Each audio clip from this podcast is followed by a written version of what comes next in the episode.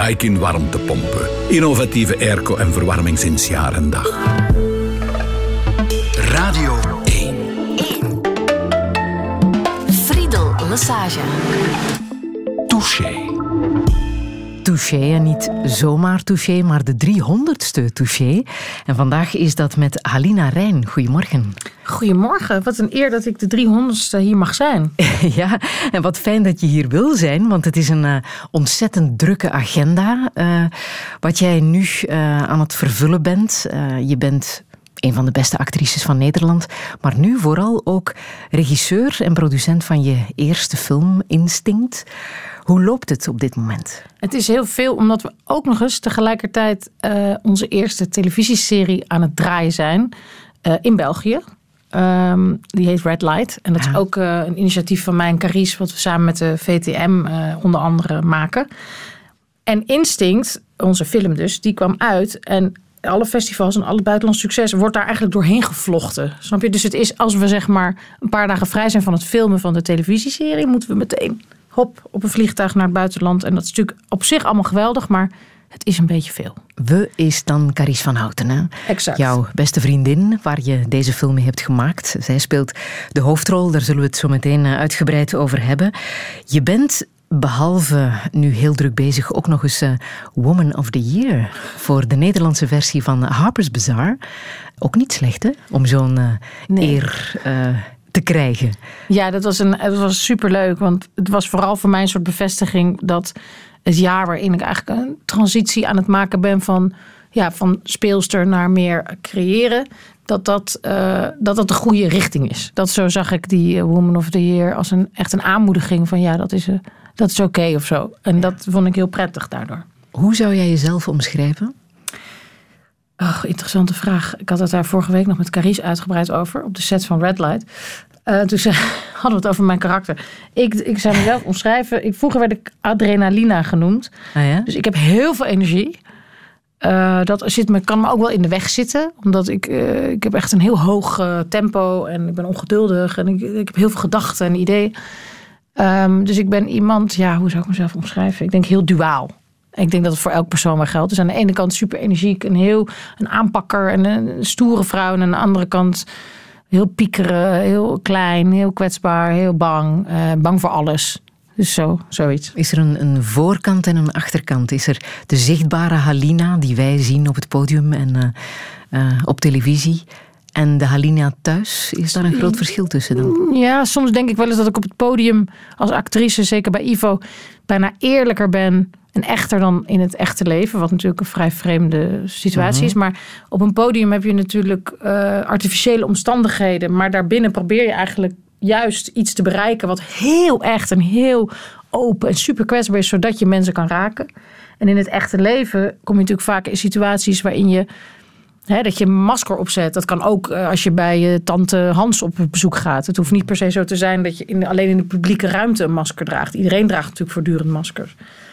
Um, maar ik heb zeker wel, uh, zeker als ik op tv kom of zo, heb je wel een soort van dingetje wat aangaat. Al is het om jezelf te beschermen, omdat je het ook niet vol kan houden om altijd maar heel dicht bij jezelf te zijn als alle ogen op je zijn gericht. Ja, nu ook? In deze radiostudio? Of is dat een beetje anders? Ja, dit is anders omdat we zitten hier heel intiem. Uh, er zit nu geen publiek bij. Dat vind ik heel prettig. En natuurlijk zijn er luisteraars.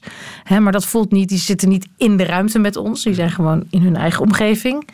Um, maar natuurlijk, je bent ook bewust omdat je het gaat natuurlijk niet alleen om mij, maar ook om bijvoorbeeld een hele film of een toneelstuk of uh, weet ik veel, je familie of alle mensen om je heen. Daar praat je over. En dus heb je ook uh, een hele grote verantwoordelijkheid als je interviews doet. Mm. Maar ik vind wel zelf het leukst om interviews te lezen of te zien van mensen die proberen eerlijk te zijn. Mm. En ik geniet zelf het allermeest van mensen die echt revolutionair eerlijk zijn zelfs. Er was nu bijvoorbeeld uh, afgelopen weekend een meisje in de Volkskrant magazine die zei dat ze nooit zin in seks had. Een heel bekende Nederlandse vrouw. En dat vond ik heel gaaf. Dat iemand gewoon durft in iets te gaan waar iedereen zich voor schaamt en niemand wil erover praten. Weet je? En opeens mm -hmm. is iemand dan zo moedig. En dat vind ik veel prettiger dan iemand die zegt van mijn leven is fantastisch. En ja, je, en alleen maar promoot wat hij wil verkopen of zo. Ja. Ik probeer dat in dit programma ook te doen. De mensen zo eerlijk mogelijk te laten antwoorden. Halina Rijn, welkom in Touché.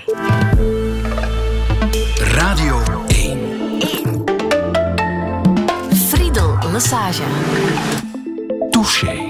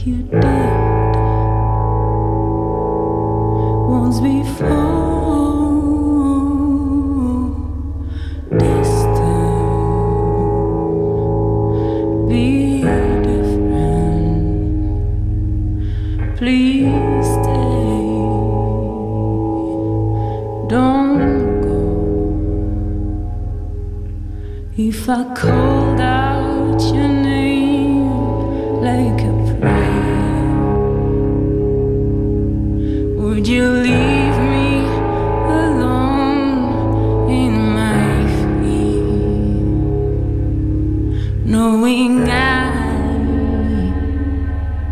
need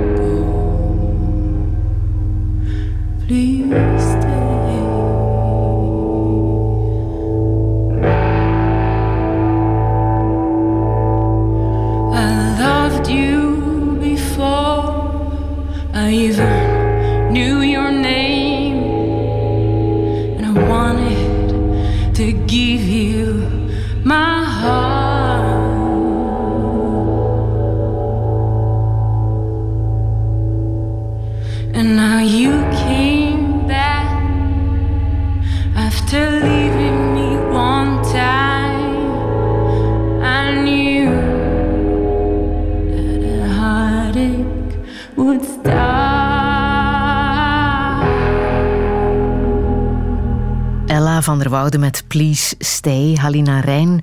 Dit is de muziek die ook te horen is in de film Instinct. Klopt het dat je een beetje verliefd bent op deze stem? Ja, ik vind haar, zij is de uh, componiste van de hele film. En uh, ik vind haar geweldig. Ik vind haar. Dit was dus. Uh, zij werd aan mij voorgesteld door onze sounddesigner. En toen hadden we ons eerste afspraakje, zeg maar. Hè, om, om, te kijken of het klikte. Om samen dan die film te gaan doen. En toen liet. Dit nummer had zij al. En zij had een ruwe versie van mijn film gezien. En toen zag ze dat en toen deed dit nummer haar daar heel erg aan denken. Toen liet ze me dat horen. En toen dacht ik, oh ja, dat is totaal uh, de sfeer en de kern van de film in een lied samengevat. Dus toen was ik helemaal al gewonnen. Ja. En toen daarna gingen we natuurlijk een uh, enorm proces in. Want het, het, maken van muziek bij een film is echt ook nog een hele apart uh, hoofdstuk. En dat maakten we ook een beetje samen mee, omdat zij is ook vrij jong. En ik ben helemaal niet jong, maar ik ben wel jong als regisseuse. En dat was heel fijn om zo'n uh, vrouwelijke compaan te hebben in dat team. De film Instinct gaat woensdag in première in uh, de zalen in, uh, in België. Um, je zegt, daar gaat het over. Dat is de kern van de film. Wat is volgens jou de kern van de film? Nou, heel erg op plotniveau is het heel simpel in twee zinnen te zeggen. Gaat het over een therapeute die werkt in een gevangenis en die wordt uh, verliefd op de serieverkrachter die ze behandelt. Uh, dit is gebaseerd op een nieuwsprogramma wat ik had gezien in Nederland. En dat programma heette Verboden Liefde in de TBS-kliniek. En de TBS-kliniek is dus een bijzondere gevangenis bij ons, uh, wat, wat wij hebben in ons land. En dat betekent ter beschikking van de staat, TBS. En dat betekent eigenlijk, stel je voor, ik heb iets gedaan wat niet kan. Ik heb dus een misdaad begaan. Dan kan ik mezelf ontoerekeningsvatbaar la laten verklaren. Dus ik zeg, ja, ik heb dat wel gedaan, maar ik, ik was psychotisch of ik ben schizofreen of ik ben bipolair. Dat kan gebeuren. Dus ik kan het zelf initiëren. Dan kan ik in zo'n kliniek terechtkomen. Dan, word ik, dan is de staat eigenlijk die ja, die is mijn eigenaar als het ware. Die beschikt over mij en bepaalt dan hoe lang mijn behandeling duurt. Dus het is niet een gewone gevangenisstraf en je krijgt drie jaar. Het, kan zeg maar al naar gelang de staat vindt dat jij klaar bent om de maatschappij eh, in En te je krijgt psychologische begeleiding. Ja, je wordt daar intensief. behandeld. Ja. Het is een geloof in rehabilitatie van de crimineel. En het kan ook zo zijn dat het land zelf het opdringt aan jou. Dus dat jij het helemaal niet wil. Want er zijn ook heel veel criminelen heel bang voor. Omdat het natuurlijk ook een infinite eh, hoeveelheid tijd is. Snap je? Dat is het enge ervan. Ja. Dus je wordt wel behandeld. Maar aan de andere kant weet je nooit wanneer je vrijkomt. Een beetje te vergelijken met de forensische psychiatrische centra bij ons. Eentje in Gent en eentje in Antwerpen, die nog niet zo heel lang bij ons eh, bestaan. Ja. Nu, die psychologe, gespeeld door Carice van Houten, gaat daar aan het werk. Ze is nieuw in het gebouw en krijgt die man in behandeling. Ja. En dan gebeurt er van alles. Ja, en het feit dat het gebaseerd is op een echt verhaal was alleen maar een eh, manier om gereedschap als het ware om een groter, abstracter verhaal te vertellen voor mij over seksualiteit en macht. Ehm, dus we gebruiken eigenlijk deze arena om een eh, bijna theatraal verhaal te vertellen over grotere thema's. En ik, ja, dat gaat voor mij over verslaving, eh, controle, controleverlies. En eigenlijk heel veel thema's die nu heel op iedereen's agenda staan hè, in de westerse wereld, eh, zich zeker sinds MeToo, zijn ook de thema's die we in deze film proberen te onderzoeken. Dus die twee, die, ja, die krijgen een soort machtsstrijd hè, in het begin. Het is niet zo dat ze, zodra ze elkaar zien, verliefd op elkaar worden. Er ontstaat een enorm machtsspel. En ze, en ze zijn allebei eigenlijk beschadigde zielen. Alleen hij eh, is aan de ene kant van de muur beland en zij aan de andere kant. Maar uiteindelijk lijken ze eigenlijk meer op elkaar dan je in eerste instantie zou denken. En ze vinden elkaar eigenlijk in die trauma's. En dan ontspint zich een, eh, ja, een schaakspel tussen die twee, waar allerlei grenzen worden overschreden. Gebeurt dat in de werkelijkheid? Dat eh, hulpverleners verliefd worden op eh zedendelinquenten in dit geval, eh, op criminelen? Is dat iets wat vaak gebeurt? Ja, het gebeurt eh, dus. Want toen ik dus dat nieuwsprogramma zag, dat waren acht verhalen die zij hadden onderzocht. Waaronder deze. Ik denk in ieder instituut, zoals ook is gebleken na MeToo natuurlijk. of het nou een ziekenhuis is, of een advocatenpraktijk, of een school, of een universiteit, of een filmstudio. Overal vinden grensoverschrijdende relaties plaats. En mensen die misbruik maken van hun macht op verschillende manieren. Maar inderdaad, in een gevangenis is het natuurlijk extreem en, en nog veel heftiger, omdat het een pressure cooker is. En omdat die therapeut wel uiteindelijk bepaalt, zoals ik net uitlegde, hè, van jij staat ter beschikking van de staat en die therapeut is een enorme schakel in het wel of niet eh, met verlof gaan van die crimineel, of wel of niet terugkeren in de maatschappij.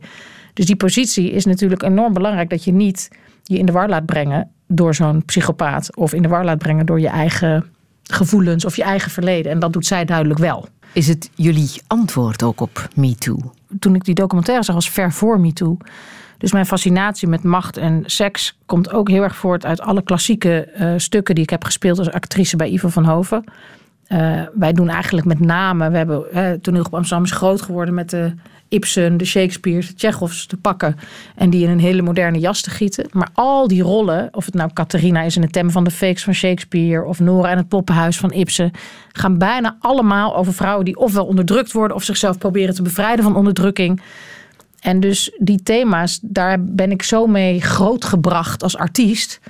En ik heb een enorme behoefte gevoeld om diezelfde thema's te pakken, maar het dan echt vanuit een vrouw te vertellen. Van vrouwelijke schrijfster, in dit geval Esther Gerritsen. Vrouwelijke regisseuse ikzelf, vrouwelijke hoofdrolspeelster. En ook wilde ik echt dat Carice um, en ik ook beide dus uh, mee mochten als producenten erin. Dus dat we een grote invloed zouden hebben op het hele proces.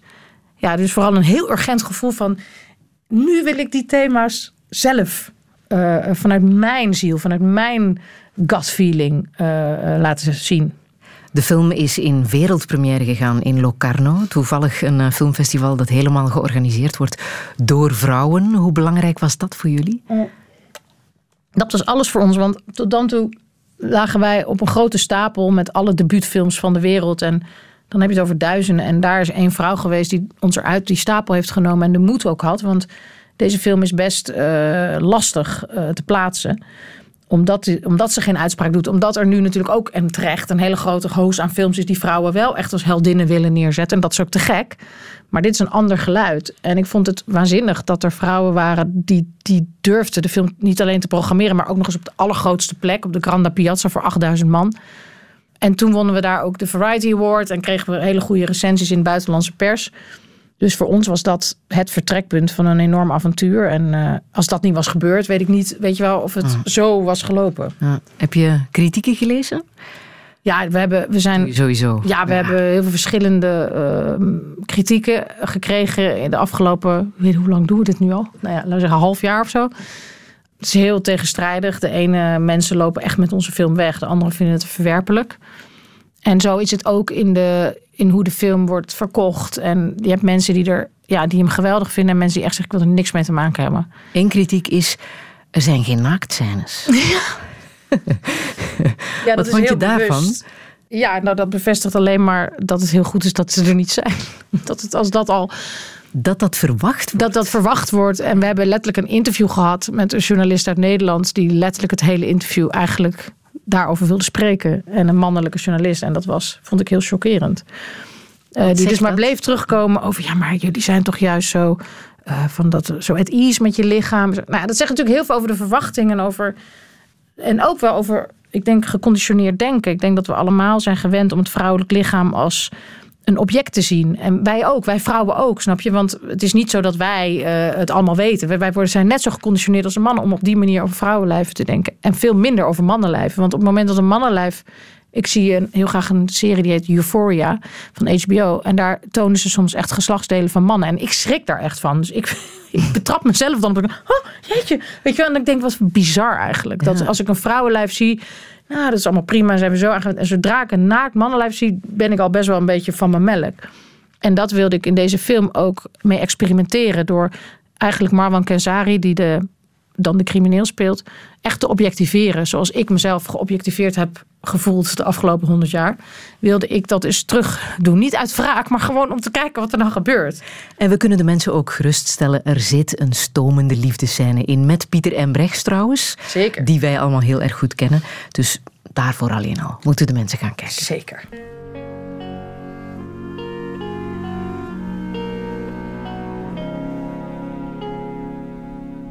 The sun will come out tomorrow.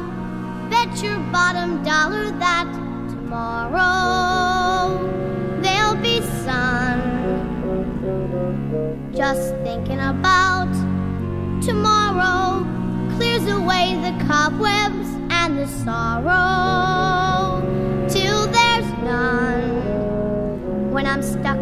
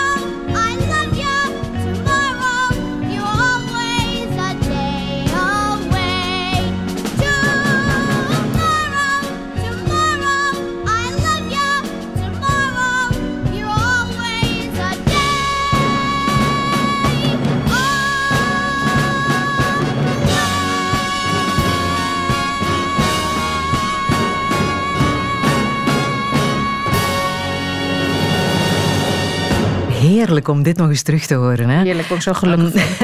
Andrea McCarty was dit met Tomorrow uit de film Annie, een film uit 1982 over een meisje in een weeshuis, geleid door een eh, zelfzuchtige en alcoholische Miss Hannigan. Jij was hoe oud toen je deze film voor het eerst zag? Ja, ik denk dus zeven, want ik ben van 75. Ja. Zes, zeven.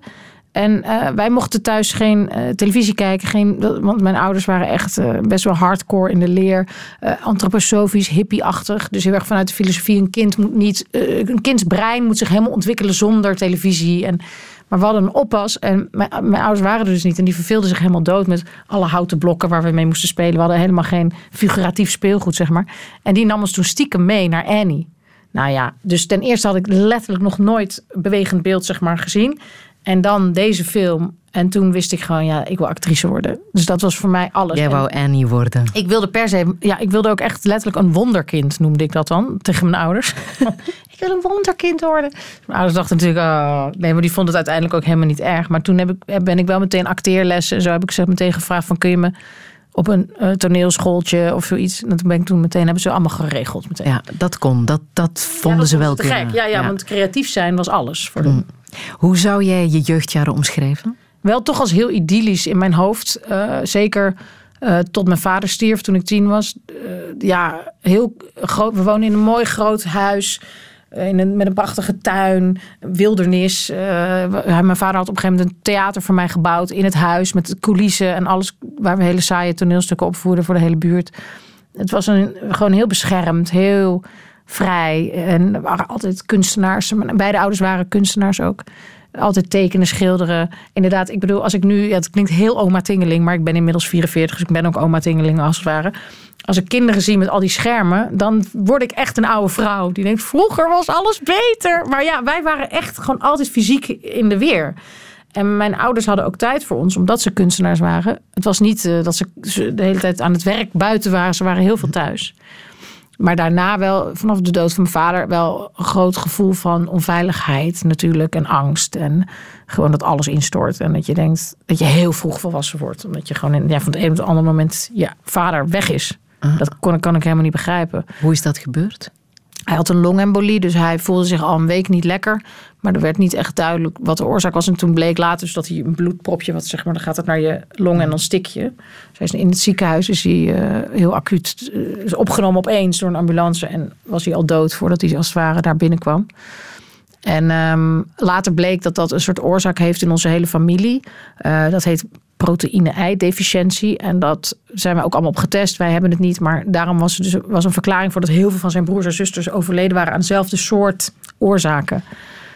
Ehm, maar goed, nogmaals, ik ben nu 44, hij was 10 jaar ouder. Dat vind ik nu, dat is een beetje ook cliché, hè? maar als je die leeftijd gaat naderen, heeft iets heel engs. Dat je echt denkt, "Oh, hij was zo jong, snap je? Want toen vond ik hem natuurlijk wel heel oud. Omdat ik als kind denk, ja, 54 is heel oud, maar En hoe was het voor jou om eh, als tienjarige ineens te merken dat ja, jouw vader er niet meer was? ja, gewoon totale pijn. Gewoon dat alles wat zo veilig en zo gezellig en zo vanzelfsprekend was, was weg.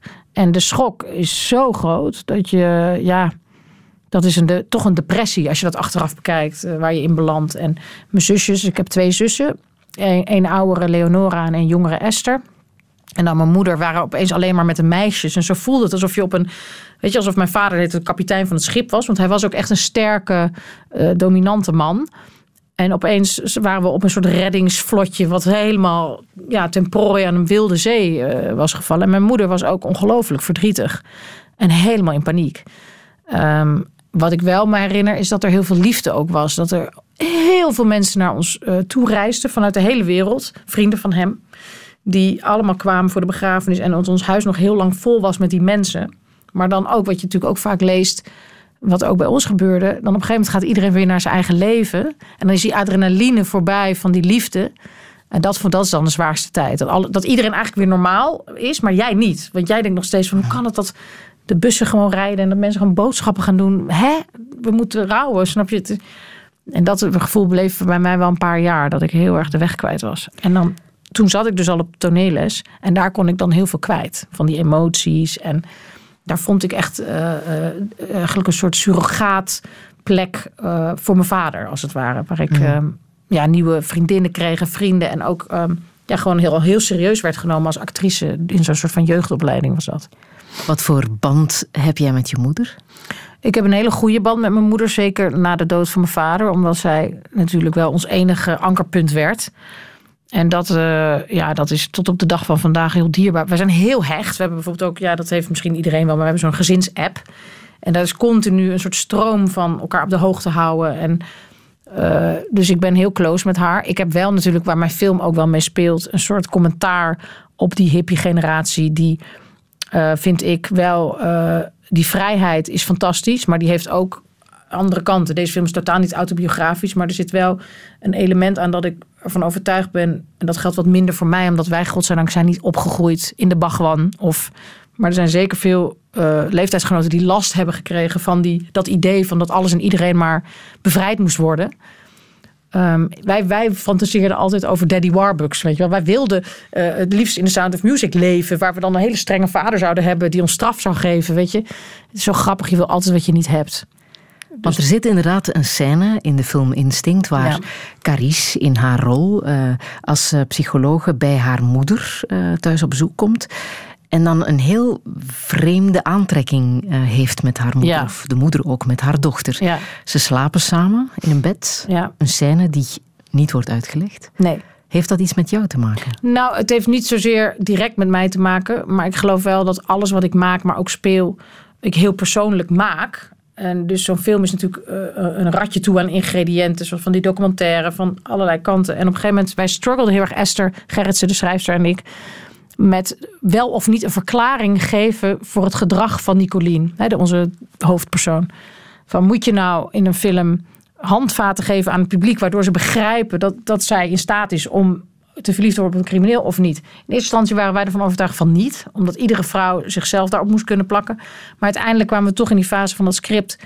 dat we haar toch meer achtergrond wilden geven. En ik las toen toevallig een artikel in de Duitse krant, of tijdschrift Spiegel. En dat ging over eh, eh, dat waar li- linkse elite zich voor schaamt of zoiets was de kop. En dat ging helemaal over die communes en over de seksuele revolutie. En dat er toen natuurlijk een heel ander idee was over seks. Zeker in Nederland en in Californië. En waar die hele seksuele revolutie een enorme kracht had.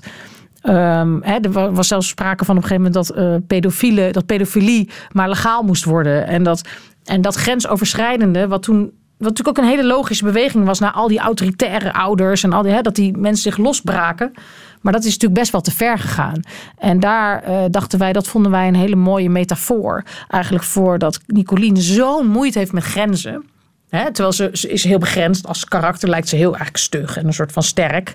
Maar ze, heeft een, ze kan niet intiem zijn. Ze kan niet intiem zijn met de goede man, Pieter Embrechts in dit geval. Eh, denk je de hele tijd van ga nou met hem. Hij is knap, hij is charmant, hij is leuk, hij is gezond. Ga nou niet met die gek. Maar zij kan eigenlijk alleen intimiteit ervaren met dat wat destructief is. En, daar, en die moeder is daar een hele tedere, hele liefdevolle, zachte, totaal grensoverschrijdende kracht in. Dus voor mij zijn ze allebei de hoofdpersonen misbruikt in hun jeugd. Heel suggestief, maar voor mijzelf als maker, als regisseur, is dat wat er in mijn hoofd zit van hun backstory. En in die beschadiging vinden ze elkaar. En dat maakt het toxisch. En eh, dus die moeder staat voor mij wel, ook met haar joint, weet je wel, voor een soort generatie die gewoon geloofd heeft in totale bevrijding van alles en iedereen. En dat creëert ook weer onveiligheid. En zo doet niemand het goed. En iedereen probeert ook maar wat. Ladies and gentlemen, let's put our hands together for this stylish shit. Welcome, ladies and gentlemen, to the eighth wonder of the world, the flow of the century. Oh, it's timeless. Ho! Thanks for coming out tonight. You could have been anywhere in the world, but you're here with me. I appreciate that. Uh. H to the Izzo, V to the Izzy. For Shizzle, my nizzle used to dribble down in VA. Was hurting them in the home of the turbans. Got it dirt cheap for them. Plus, if they were short with cheese, I would work with them. More than we got rid of that dirt for them. Wasn't born hustlers, I was birthing them. H to the Izzo, V to the Izzy. For Sheezy, my kneesy, keep my arms so breezy. Can't leave rap alone, the game needs me. Haters want me clap, they chrome, it ain't easy. Cops wanna knock me, DA wanna box me in. But somehow, I beat them charges like Rocky. H to the Izzo, B to the Izzy. Not guilty, he who does not feel me is not real to me, therefore he doesn't exist. So poof, Van son of a bitch. H to the Izzo, B to the Izzy. For Shizzle, my nizzle used to dribble down in VA. H to the Izzo, B to the Izzy.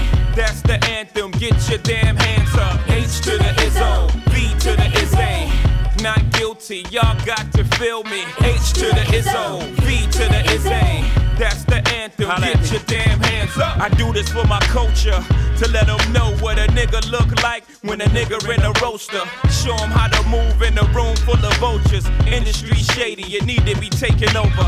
Label owners hate me, I'm raising the status quo up. I'm overcharging niggas for what they did to the cold crush. Pay us like you owe us for all the years that you hold us. We can talk, but money talk, so talk more bucks. H to the Izzo, B to the Izzy. Shizzle, my nizzle used to dribble down in VA. H to the Izzo, B to the Izzy. That's the anthem, get your damn hands up. H to the ISO, B to the Izzy. Not guilty, y'all got to feel me. H to the ISO, B to the Izzy. That's the anthem, get your damn hands up. Yeah, Hope is back. Life story told through rap. Niggas acting like I sold you crack, like I told you sell drugs. No, Hope did that, so hopefully you won't have to go through that. I was raised in the projects, roaches and rats. Smokers out back, selling they mama sofa. Lookouts on the corner, focused on the Ave. Ladies in the window, focused on the kinfolk. Me under a lamppost, why I got my hand closed, cracks in my palm. Watching the long arm of the law. So you know I seen it all before. I seen hoop dreams deflate like a true fiend's weight. The try and the fail, the two things I hate. Succeed in this rap game, the two things is great. H to the Izzo, V to the Izzy. What else can I say about dude? I get busy. H to the Izzo, V to the dribble Jay-Z was dit. Halina Rijn. En je zat al meteen eh, te dansen in deze studio. Heerlijk. Het is jouw soundtrack, hè? Dit soort muziek vind je fantastisch. Ja, daar word ik heel. Nou, ik hou zelf ook wel van alle soorten muziek. Alleen ik vind muziek komt zo recht je hart binnen. Dat is voor mij vaak veel te veel. Bijvoorbeeld Carice, die heeft echt een prachtige muzieksmaak. Die maakt zelf cd's, die is helemaal... Dus als ik haar huis binnenkom en zij heeft er een of andere super eh, verantwoorde singer-songwriter op staan, dan word ik acuut, krijg ik helemaal een depressieaanval. Dus zelf kan ik eigenlijk alleen maar dat, dat die hip-hop, dat vind ik een soort van. Daar zit niet zoveel emotie achter, behalve gewoon een soort van up. Eh, ik luister dan wat minder naar de teksten, want die zijn meestal super seksistisch. Maar, en dat vind ik ook bijvoorbeeld heel lekker om te luisteren voordat ik opga. Dat is neu- neutraal. Dat Ja. brengt me niet. Want als ik naar een lied van Bob Dylan luister, word ik gewoon echt zo verdrietig. Dat als ik het op het toneel hoor, want Ivo die, die houdt natuurlijk ook heel erg van dat soort liedjes. Dan eh, helpt het mij heel erg. Maar daarbuiten word ik. Het is voor mij te veel. Het is een tsunami aan melancholie waar ik niks mee kan. De naam Ivo is al een paar keer gevallen. Hè? Ivo van Hoven, de regisseur. Ja. Belg trouwens, een fijne landgenoot. Zeker. Die hier eh, vorig jaar ook te gast was in eh, Touché. Hoe belangrijk is hij voor jou? Hij is alles voor mij. Hij is mijn artistieke vader. Hij is mijn, hij is mijn alles. Hij is mijn man voor, op een bepaalde manier, snap je? Ik bedoel niet letterlijk, want hij is hartstikke gelukkig met zijn eigen man. Eh, maar eh, ja, hij is voor mij een- iemand waardoor ik me minder een alien voel. Omdat, kijk, hij heeft een kunstenaarschap dat mij zo diep raakt. Eh, hij heeft ook een enorme amoraliteit in wat hij doet. Hè. Bijvoorbeeld, neem een voorstelling als The Fountainhead. Dat is een eh, boek van Ayn Rand wat we op het toneel hebben gezet. Dat gaat heel simpel gezegd over twee architecten. Eén gaat voor het geld, één gaat voor de kunst. En dat is een hele, heel provocatief boek, omdat uiteindelijk overwint een soort van de liberaal. Het is ook het lievelingsboek van Trump. Nou goed, daar kun je honderden discussies over loslaten. Hij maakt dat gewoon. Hij zet dat op het toneel zonder dat hij het publiek helpt of ons helpt van wat moeten we hier nou eigenlijk van vinden? Waardoor je, en daar hou vind ik zo te gek. Dan word je namelijk echt teruggeworpen op jezelf. En ga je echt nadenken. Denk je, maar wat zou ik doen? Weet je wel? En als ik zo'n jonge architect was, ga ik. En dat vind ik. Dat, ja, ik, ik voel me diep verwant met hem. En ik vind het gewoon een geniale regisseur. En wat ik ook heel fijn aan hem vind, is dat hij heel zakelijk is. Dat klinkt even heel vreemd, maar kijk, in mijn wereld heb je heel veel pannenkoekenbakkers die eh, lekker veel check gaan roken en koffie drinken en heel veel gaan praten over de zin van het leven. En dat vind ik heel beangstigend, want dat doet me heel erg aan mijn jeugd denken, waar geen grenzen waren. Dus ik wil gewoon helderheid. En binnen die helderheid kan ik dan helemaal losgaan. En hij is natuurlijk oorspronkelijk jurist, weet je. Hij is gewoon... Dus hij pakt het heel efficiënt aan. En dat vind ik zo prettig. Daardoor ontstaan er nooit schemergebieden. Daardoor ontstaan er nooit eh, rare momenten of dingen die te intiem zijn. En ehm, dan kun je dus juist heel erg ver gaan. Begrijp je? En dat vind ik dus fantastisch. Ik heb me bij hem nog nooit een nanoseconde onveilig gevoeld. Niet als vrouw, zeg maar, maar ook niet eh, mentaal, op wat voor manier dan ook. En dat, eh, daarom heb ik twintig jaar van mijn leven aan die man gegeven. Ik bedoel, dat is gewoon, ja, Dat is gewoon alles voor mij. En mijn film is een absoluut eerbetoon aan hem. Is gewoon een ode aan Ja? hem, basically. Ja. Ja. Waarom dan? Hij was er helemaal niet, want hij was weer in New York. Hij is zo'n wereldster inmiddels. Maar hij was voor mijn gevoel, en ook voor Carice gevoel raar genoeg, de hele tijd bij ons. Hij zat gewoon hier op mijn, op mijn schouder. En eh, ik heb alles natuurlijk van hem geleerd over hoe je regisseert. Bijvoorbeeld om een heel concreet voorbeeld te noemen. Hij zal nooit door een ruimte roepen naar een acteur. Dus hij zal nooit zeggen, hey, kun je dat nog eens een keer zo doen? Of nou, dat vond ik helemaal niks. Hij loopt altijd naar de acteur. Want hij weet hoeveel schaamte er is in zo'n ruimte. Hè? Van, iemand gaat iets proberen en eh, achter tafel zitten allemaal mensen die dat gaan beoordelen. Dat is op zich al een hele kwetsbare situatie van een repetitie. Hij gaat altijd naar de acteur toe, hij rent er naartoe. Hij zegt heel zachtjes, weet je, hij zegt dit, dan kan je misschien dat proberen. Dat, dat is een heel simpel voorbeeld waardoor acteurs zich heel veilig gaan voelen, heel gerespecteerd. En ook veel, want als je door een ruimte gaat schreeuwen, wat 99 van de procent van de regisseurs doen, of over een set gaat schreeuwen, hoort een acteur helemaal niet meer wat gezegd wordt. Omdat hij zich zo geneert tegenover de crew, tegenover iedereen, dat hij wordt becommentarieerd in het openbaar. Nou, dat zijn allemaal hele kleine kneepjes van het vak. Hij heeft ooit tegen me gezegd, als je wil regisseren, je, hoef je maar één ding te hebben, geduld. Dat vond ik ook zo vet. Dat vond ik zo onverwacht. Geduld, waarvoor moet ik nou geduld hebben? Dat is natuurlijk iets wat ik helemaal niet heb. Dus dat vond ik zo vet. En dat is ook zo. Je moet gewoon iedereen in hun kracht zetten en wachten tot het naar boven komt. Weet je? En ja, hij is gewoon mijn grote inspirator. Is hij ook een beetje de vader die je niet had? Ja, in alle opzichten. Ik denk ook dat ik totaal mijn eigen vader op hem heb geprojecteerd. Eh, mijn vader was ook kunstenaar, was ook homoseksueel uiteindelijk. Weet je, alles. Het was net alsof mijn vader uit het hemel was gekomen toen ik Ivo voor het eerst ontmoette. Alleen, ik denk wel dat Ivo veel pragmatischer is. Ivo is veel. Mijn vader was meer een kunstenaar in zijn eigen atelier. Ivo is natuurlijk ook iemand die hele eh, echte kunst, namelijk toon, echt kunst, eh, toneel, kunst, naar Broadway heeft gebracht. Snap je? Dat is een revolutie. Dat hij nu de West Side Story gaat maken op Broadway met Anna Theresa de Keersmaker. Dat is gewoon.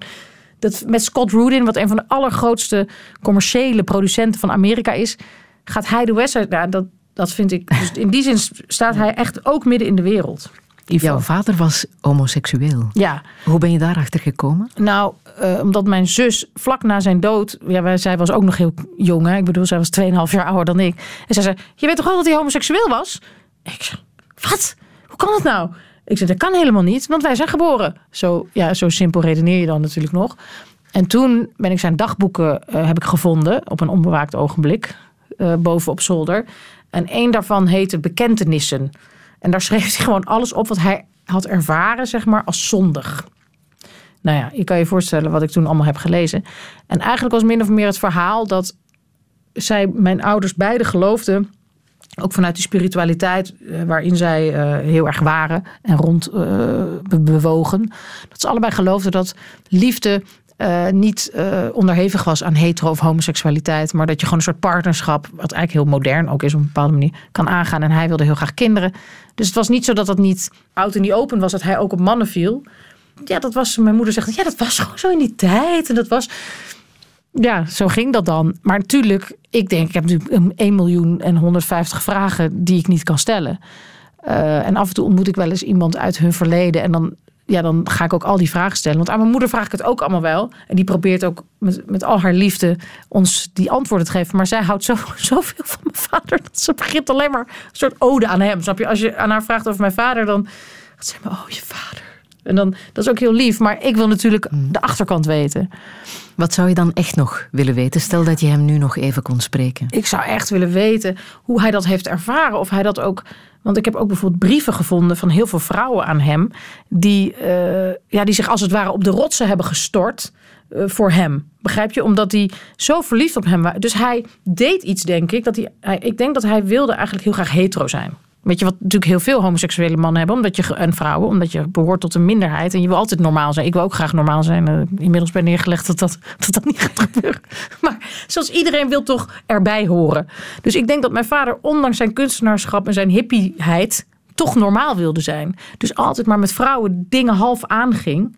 En ik zou willen weten, waarom deed je dat dan? Of wat voelde je dan? En heb je daaronder geleden? En heb je heb je identiteit toch onderdrukt? En waarom dan? En hoe kon je nou aan de ene kant zo vrij zijn? En, want mijn moeder beweert ook dat hun intimiteit heel beperkt was. Als je begrijpt wat ik bedoel. Heel beperkt. ik denk dan van, waarom? Weet je, wij, wij denken natuurlijk als dochters gewoon... Ja, hoe zit dat? Kun je ons daar nog even wat over vertellen? Je wil gewoon lekker met hem kletsen daarover. En dat is gewoon heel jammer. Dat dat... En ik wil ook vragen, wat vind je van mijn film? Ah ja.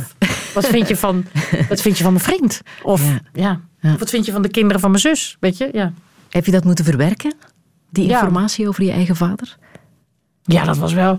Dat was de tweede schok natuurlijk. Want zeker als je tien bent, dan, dan heb je allemaal ideeën natuurlijk over de wereld die ook nog niet helemaal. Sinterklaas bestaat nog maar net niet, laat maar zeggen. Mm.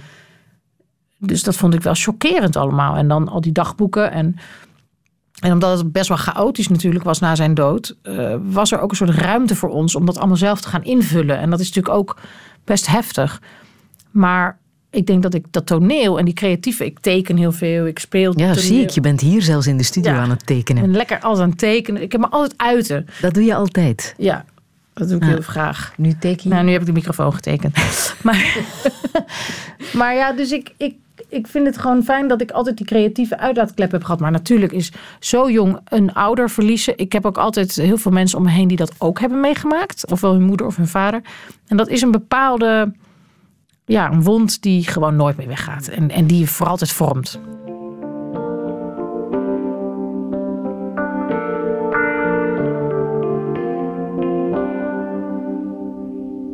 It's been blowing cold since you went away. I've been living a lie every single day. It's the ghost of you that still lingers here, sending chills to the bone. Yeah,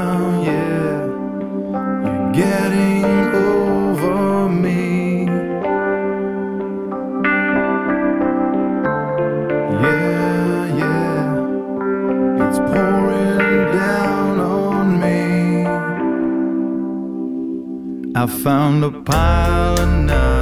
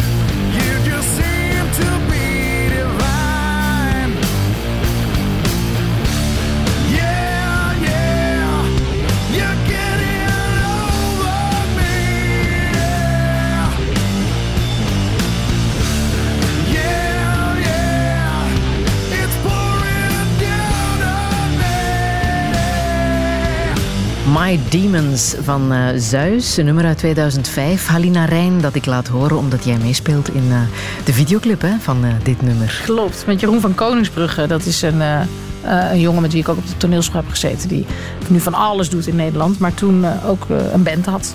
Ondertussen ben je aan een andere tekening begonnen. Ik maak nu een non. Met een kruis op het voorhoofd. Ja. Wat zijn jouw demonen? Oh, mijn demonen. Ik heb heel veel demonen. Ik ben een heel erg control freak. Dus ik vind het heel moeilijk om dingen los te laten. Om te denken, dat regelt diegene wel. Of dat komt wel goed. Ik denk altijd, laat het mezelf maar doen. Want dan weet ik zeker dat het goed komt. En dat kan heel irritant zijn voor anderen. Omdat die dan ook ja, niet de, de kans krijgen om zelf eh, zichzelf te laten zien. Dat zijn mijn demonen. Ik heb ook heel veel angsten. Ik heb angsten voor de snelweg. Ik heb angsten voor... Ik veel wat. Ik zie altijd overal tegenop mijn grote zus Leonora... die ook een hele belangrijke factor in mijn leven is. Zij is coach van beroep. Dus zij coacht mij eigenlijk gewoon overal doorheen. Alleen, noem, alleen schrijft ze geen facturen, zeg maar. Maar eh, zij ze, als ze me dan belt... Wat ga je volgende week doen? Zeg ik, nou...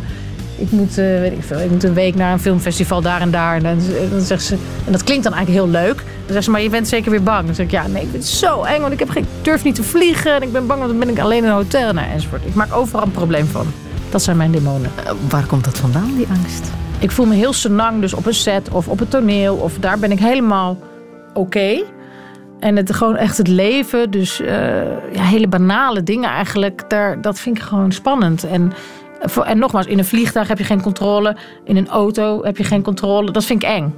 En ook Doe je om die controle terug te winnen? Ben je daar aan aan het werken? Eh, Ja, gewoon proberen dus dat loslaten heel erg eh, toe te laten. In alle, in de kleinste dingen. Gewoon te denken, let it go. Dat is niet jouw zaak. Laat het gewoon los. En dat kan inderdaad zo zijn. Ik heb net mijn rijbewijs gehaald. Nou, dat vind ik dan nog... Proficiat. Dat moest voor de serie Red Light hoor. Dat was onder druk. Anders had ik het nooit gedaan.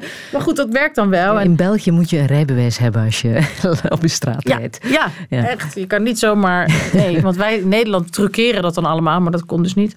Probeer bijvoorbeeld, eh, als ik dan naar zo'n filmfestival moet, dan kan ik daar een heel ding van maken, maar kan ook denken, wie weet wordt het wel leuk. En dat probeer ik nu. In plaats van te denken, oh, dan moet ik helemaal alleen gaan reizen. Het heeft alleen maar te maken met dat ik niet weet wat daar gaat gebeuren. En hoe hou jij jezelf onder controle? Hoe breng jij jezelf tot rust? Ehm, ik dat? kan mediteren, helpt mij heel erg. Dus ik zet gewoon een, ik, een guided meditation. Dus dan dit, iemand zo te- die je er doorheen praat. Maar heel vaak zet ik gewoon mijn Je wijst iPhone naar je wekker. telefoon, Ja, ja, dan ja. zet ik mijn wekker van 15 minuten, zeg maar. En dan ga ik gewoon zitten en dan ga ik ja, gewoon de, de aloude techniek van de ademhaling en proberen. bedoel, Je kan je gedachten niet stopzetten, want dat denken dan mensen. Oh, dan mag ik aan niks denken, maar je, moet, je hoeft je gedachten helemaal niet stop te zetten. Het gaat alleen maar over dat je volledige acceptatie hebt met wat er op dat moment is. En zeker met onze telefoons zijn we nooit meer prikkelloos. Nooit meer. De, de minuut dat jij nu opstaat, bijvoorbeeld, hè, je zou even. kom- Dan zit ik Ja, alweer. ja. Dus het is zo'n vreselijk automatisme geworden om alsmaar in, ja, interactie te hebben met de wereld. En daar probeer ik dat, probeer ik dat loslaten en ook mijn demonen dan. Ik denk dat meditatie echt het antwoord is op al die vragen en demonen. Lees je daar ook boeken over? Ja, maar wij zijn er natuurlijk heel erg mee opgegroeid. Alleen dan krijg je natuurlijk heel erg dus dat je je daarvan af gaat zetten. Mijn ouders mediteren, mediteren zo'n beetje de hele dag aan elkaar vast. Maar nu ben ik er dus weer heel erg naar teruggekeerd. Ik vind het ook heel ontroerend aan mensen. Al überhaupt dat we allemaal natuurlijk een beetje vaak gebeurt dat, dat we zeggen, ah, ik ga het helemaal heel anders doen. En uiteindelijk vind je jezelf toch weer terug in de biologische winkel met een zuurdezenbrood en zeewierbrokken. Weet je wel? Dat je denkt, hoe is dit nou gekomen? Ja, dat vind ik dan ook wel weer lief. Ja, ja. Maar je hebt een soort bijbel, dacht ik. Hè? Het- boek van Michael Singer, is dat een eh, Ja. boek dat jou heeft eh, geholpen op een of andere manier? Ja, Michael Singer is iemand. We, we zijn dus grappig genoeg als gezin. En dat gaat eigenlijk heel erg via die app. Dus we zien elkaar natuurlijk ook wel. Maar met name ik ben natuurlijk bijna nooit thuis. Mijn moeder woont in Groningen. Mijn kleine zusje heeft een camping. Die heet Buitenland. Een fantastische camping.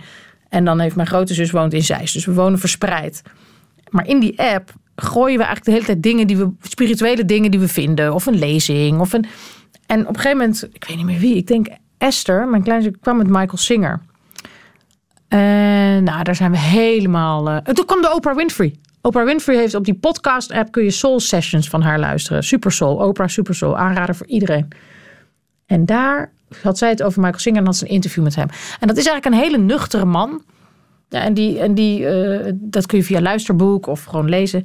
En dat is de Untethered Soul heet het. Ik zou niet weten hoe je dat vertaalt. De vrije... Geluk zonder voorwaarden, Oh ja, nee. wordt het Daar vertaald. Zo kan je het in het Nederlands eh, lezen. Ja, en het is, ik vind het eh, geweldig. Het, het geeft mij heel veel. Hou vast. Mhm. En kan je zeggen, wat? Wat heb je daar al uitgehaald? Ik- Bijvoorbeeld, je zit in de auto, hè, ik dan. En dan heb ik dus, vind het spannend op de snelweg. Omdat iedereen roetst daar maar voorbij. En die auto's, ja, dat zijn gewoon moordwapens voor mijn gevoel. Begrijp je? Ik denk, wat, wat gaan we hier doen? En dan eh, krijg ik dus zeg maar spanning en, en dan een beetje benauwd. En hij leert je dan, en dit is een hele simpele situatie die iedereen heeft zijn eigen anxiety op zijn eigen momenten. Maar om niet mee te gaan en één op één te denken van ik ben dit, ik ben nu deze paniekaanval. Maar daarachter altijd een beschouwend oog te hebben. Dus je bent niet je gedachte, heel simpel gezegd. Je kunt eigenlijk naar jezelf kijken. Ik kan hier zitten en denken we hebben nu dit gesprek. Maar er is ook altijd een bewustzijn daarachter. Het is niet zo dat je samenvalt met je emoties. Dus op het moment dat je denkt, oh ik durf die brug niet over, ik durf die brug niet over. Is er ook nog iemand anders die dat kan registreren. En als je daarachter komt, als je dat traint, dan wordt het heel relaxed. Want dan zie je dus die persoon die denkt, nee, oh nee, die helemaal in paniek is. Maar daarachter zit je gewoon naar die persoon te kijken en denk je, oké, nou, ik laat dit gewoon even bestaan. En snap je? En dat maakt het heel rustgevend en veel, dat je minder een speelbal bent van je eigen gedachten en emoties. Klinkt ook als hoogsensitief. Dat sowieso, maar ik denk dat iedereen En de een heeft het inderdaad veel extremer. En de ander heeft dat. De, de een wordt zenuwachtig van de tandarts. En de ander als hij op bezoek moet bij zijn moeder. Maar iedereen heeft last van gedachten. En in het heel erg bezig zijn met. Wat gaat er volgende week gebeuren? Wat gaat volgende week dinsdag gebeuren? Heb ik dat allemaal wel geregeld? Heb ik, allemaal loze energie. En als je dus die Michael Singer eh filosofieën, die natuurlijk ook Eckhart Tolle, maar al die andere mensen ook. Ja, dan kun je eigenlijk wat meer tot de kern komen. En wat minder speelbal worden van de banaliteiten van het leven van alle dag. Ik heb nog muziek uit een eh, documentaire die jou heel erg heeft geraakt. De Central Park 5 van een aantal jaren geleden. Die nu ook eh, in fictievorm is eh, gedraaid voor eh, Netflix, When They See Us. Maar die Central Park 5, wie, wie waren dat precies? Ja, dus het waren jongens, die donkere jongens, die groeiden op in Haarlem. Weet je, net helemaal aan de foute kant in die tijd van Central Park. Die gingen op een dag kattenkwaad uithalen in Central Park. Ook, deden daar ook wel echt stoute dingen. Maar ondertussen is een vrouw verkracht. Een blanke, witte vrouw verkracht. En half dood achtergelaten, bewusteloos achtergelaten. Zij zijn beschuldigd van die verkrachting en die halve moord. Eh, op een hele gruwelijke manier zijn zij daarvan beschuldigd en eigenlijk in een rechtssysteem terechtgekomen wat zo oneerlijk was en bevooroordeeld. En later bleek dat ze er helemaal niets mee te maken eh, hadden en zijn ze vrijgesproken. Maar ze hebben jaren in de gevangenis gezeten. En wat die documentaire blootlegt en die serie nog bijna intenser dan die documentaire, is hoe afschuwelijk dat biased, bevooroordeeld, eh, dat rechtssysteem werkt en hoe, we alle, hoe racistisch we allemaal zijn.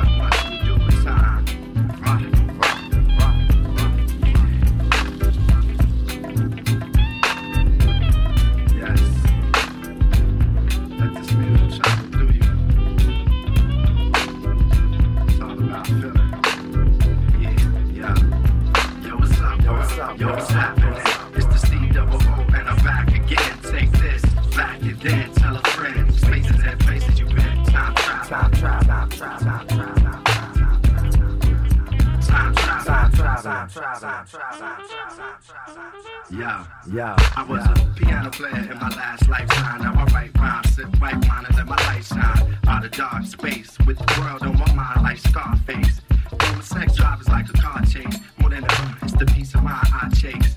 Stakes are high, like my uncle is. We both got problems, he never confronted his. Under the bridge, I wrote some shit to stay afloat and paint a picture. Raw like the first coats, and my old man a note to keep his phone. My little cousin know that she tricks her homegrown. Travel to a place sweeter than home. Listening to Nina Simone, repeat the song. Set the sky, I'm keeping my palms facing the east. Actions, macing the beats, embracing the streets. My guy caught a case cause he beat his lady down. It's true thou, that ain't the way we lay it down.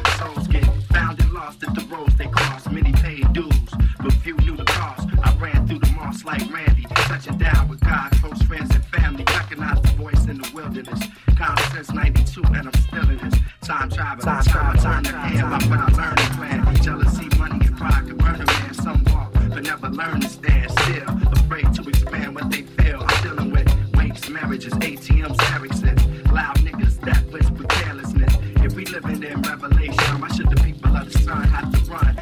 Muziek uit de documentaire The Central Park 5, maar je kan het ook op Netflix bekijken. When They See Us, het verhaal van eh, die vijf jongens in eh, New York. Zometeen na het nieuws van 12 uur praat ik verder met actrice Halina Rij. Daikin warmtepompen. Innovatieve airco en verwarming sinds jaar en dag. Radio 1. Friedel Lassage. De 300ste touché vandaag met actrice Halina Rijn.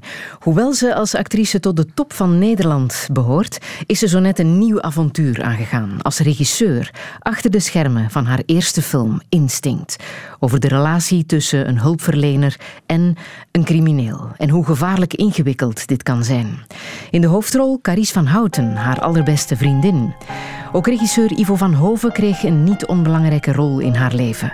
Maar hoe moet het verder? Blijft ze een oké vrouw? En hoe ziet ze zichzelf ouder worden? Dit is Touché met Halina Rijn. The snow glows white on the mountain tonight, not a footprint to be seen. A kingdom of isolation, and it looks like I'm the queen. The wind is howling like this swirling storm inside. Couldn't keep it in, heaven knows I tried. Don't let them in, don't let them see. Be the good girl you always have to be. Conceal, don't feel, don't let them know. Well, now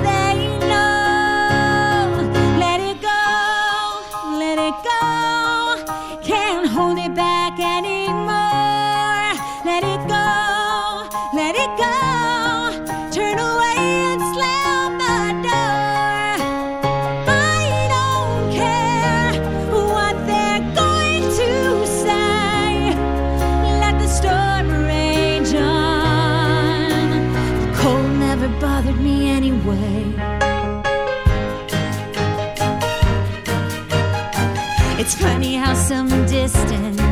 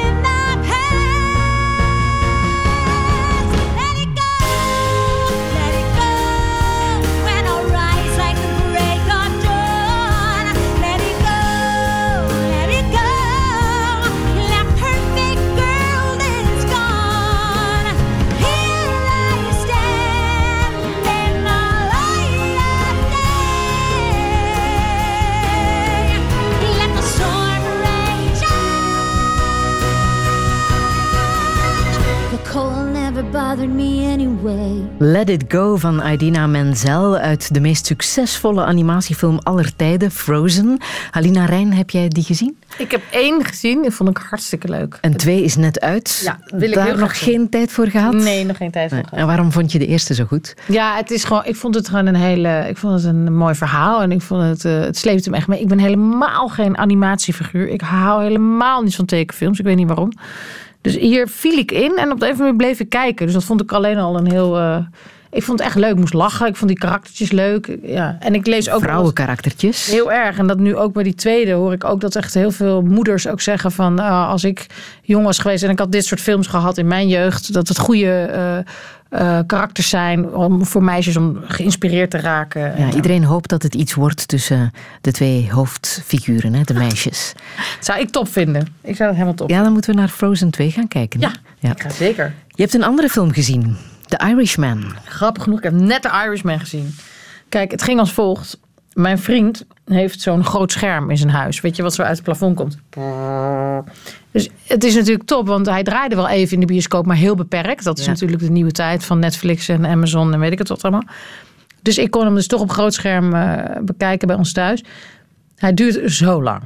En Drieënhalf uur. Drieënhalf uur. En kijk, A, ik vind het te gek dat Scorsese, of hoe je het mag uitspreken, de regisseur, de kans krijgt van Netflix, want geen enkele andere studio wilde die film maken volgens mij, of kon die film maken voor dat geld.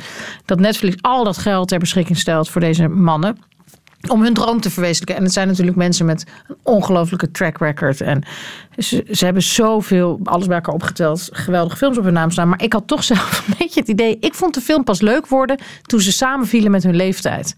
En alles wat zich daar, dus ze doen aan de-aging, we hadden het er net al over, dat is een techniek waarbij je dus eh, met een computer eigenlijk ehm, acteurs jonger kunt maken, veel jonger kunt maken. Wat we ook al hebben. Digitale techniek, Digitale techniek. waar El Pacino en Robert De Niro plotseling veel jonger Zeker Robert De Niro wordt echt, echt heel jong gemaakt. Want die is eigenlijk de hoofdrol. Dus die, die zie je door een heel verhaal heen.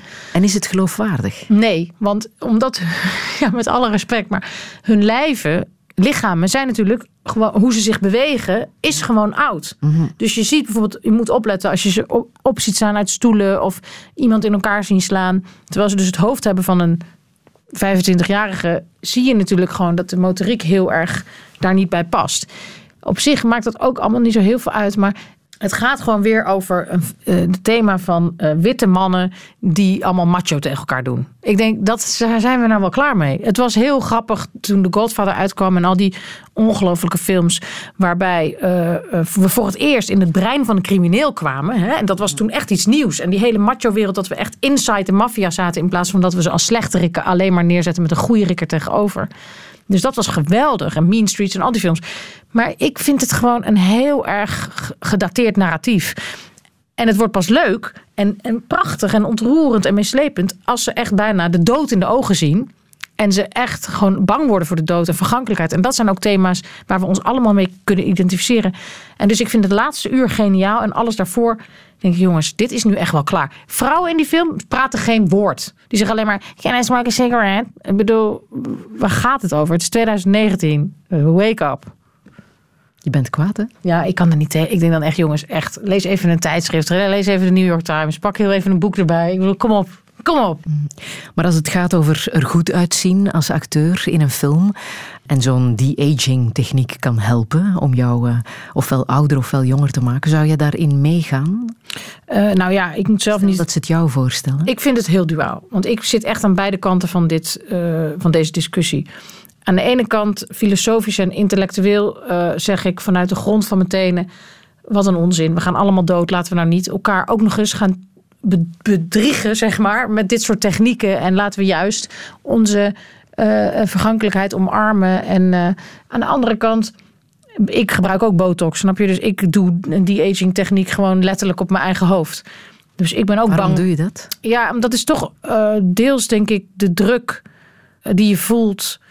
Eh, omdat je voortdurend naar je eigen hoofd kijkt. Hè? Dus je ziet voortdurend foto's. Je ziet voortdurend eh, jezelf op tv. Je ziet voortdurend jezelf op een playback. Als, als je, als je, dat, of op de monitor als je zelf speelt. Dus je wordt je ongelooflijk... Ik vind dat heel interessant, omdat ik nu dus die transitie heb gemaakt. Een van de allerleukste dingen van regisseren, dit klinkt echt heel dom...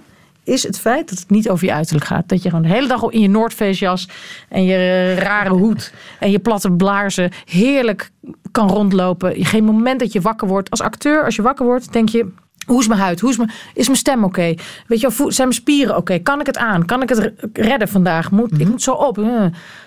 Of als je filmactrice bent, is dat natuurlijk nog veel erger, omdat die camera alles uitvergroot. En nu speel ik dus in onze serie Red Lights ben ik actrice. actrice. En ik merk hoe ijdel je wordt van dat beroep. Omdat zelfs als je je best doet om niet terug te kijken. Hè, want ik ben iemand, ik wil mezelf niet eens zien. Omdat ik vind het verschrikkelijk. Want dan word je zo bewust van hoe raar je... En mensen vinden het al heftig om hun eigen stem terug te horen. Moet je voorstellen dat je de hele tijd je eigen hoofd terugziet. Je krijgt er gewoon een zelfhaat van. En dus ik kan heel goed begrijpen dat er heel veel acteurs zijn die daar veel te ver in gaan. Ik ben ook iemand die dat soort middelen gebruikt om er jonger uit te zien. Of om mijn uiterlijk te behouden. Nog een voorbeeld. Eh wij hadden de première van onze film in Nederland op het filmfestival. En er waren heel veel ontwerpers die mij een mooie jurk aan wilden trekken.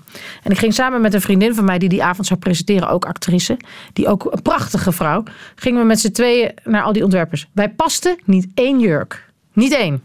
Niet één. Nog niet eens kregen we ze over onze benen. en dat doet iets met je. Toen konden we erom lachen en wij dachten, we regelen wel wat. Maar stel je voor dat je dat elke week hebt. Hè? Als je als, als actrice in Hollywood bijvoorbeeld, continu moet je gekleed worden. Moet, je- als je dan geen standaard maat nul hebt, moet je, is er altijd embarrassen, eh, schaamtevolle situaties waarin die ontwerper zich gênant voelt. En dus natuurlijk denk je nou, hé, als ik 15 kilo afval, dan pas ik wel in die mal van de standaard vrouw.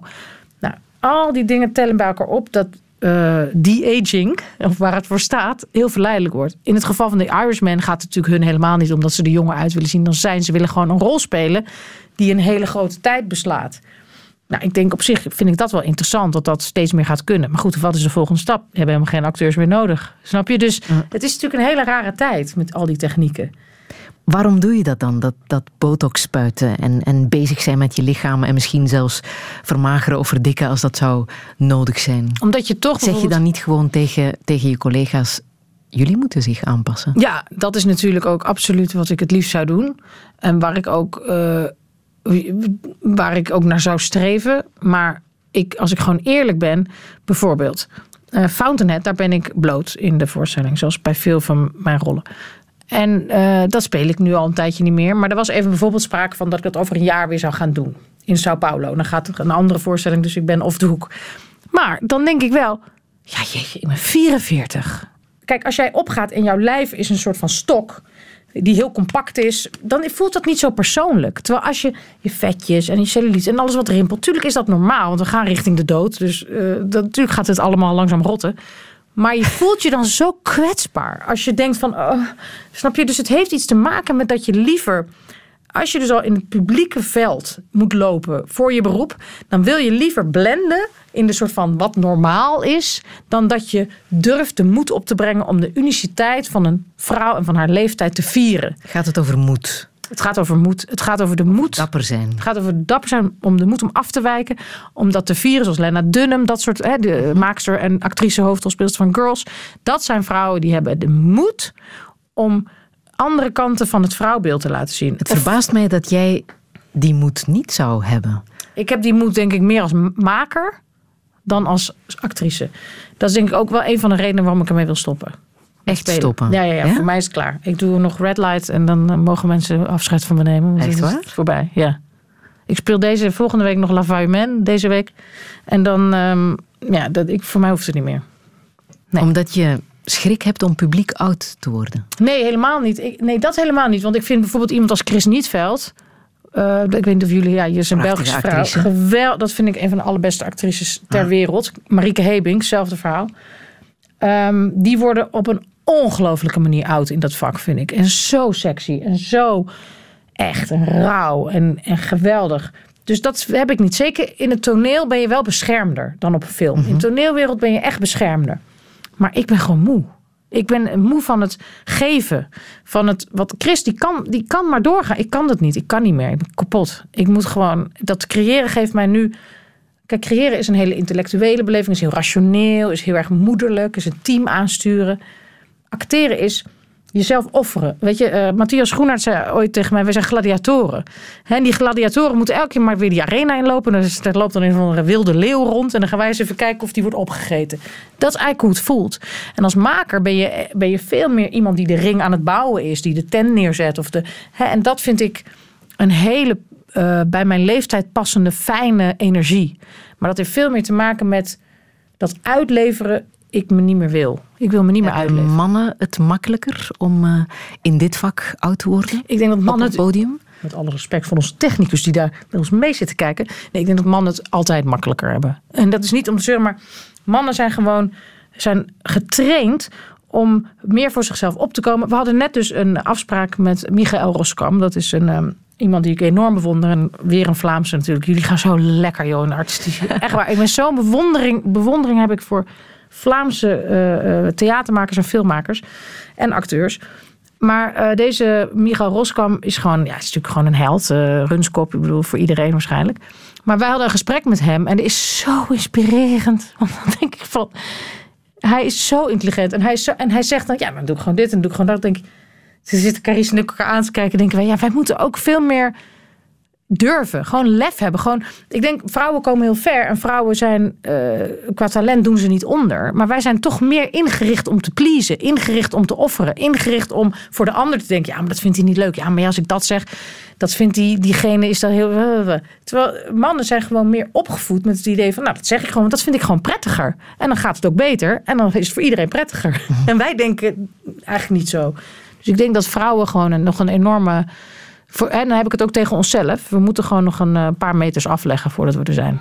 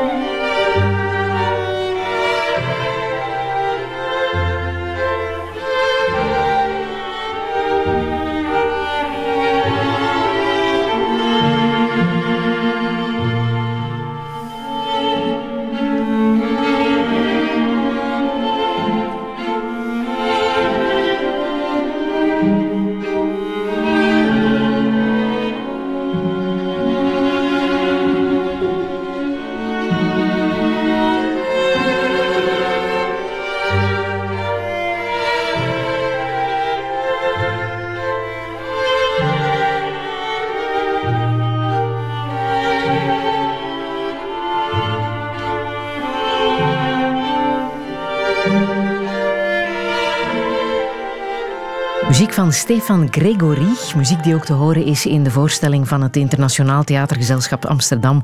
Husbands and Wives, een absolute theaterhit. Halina Rijn, waar jij ook in eh, meespeelt, gebaseerd op de gelijknamige film van eh, Woody Allen. Wat gebeurt er bij jou als je deze muziek terughoort? Oh, dat vind ik heerlijk. Eh, Husbands and Wives is, eh, want ik, ik had net even over dat willen stoppen met spelen, was een van de voorstellingen eh, waar ik heel veel energie van kreeg. Dat is ook omdat het een comedy is. Dus het publiek reageert heel primair. En die reactie van de, lach, laat maar zeggen, die vond ik heerlijk. Een tragedie, wat natuurlijk wel mijn porté, waar ik, ja, waar ik zeg maar mezelf het meeste in heb laten zien, is veel heftiger eh, naar binnen gericht. Je, je hoort niet als iemand aan het denken wordt gezet of iemand ontroerd is. Dat hoor je eigenlijk niet.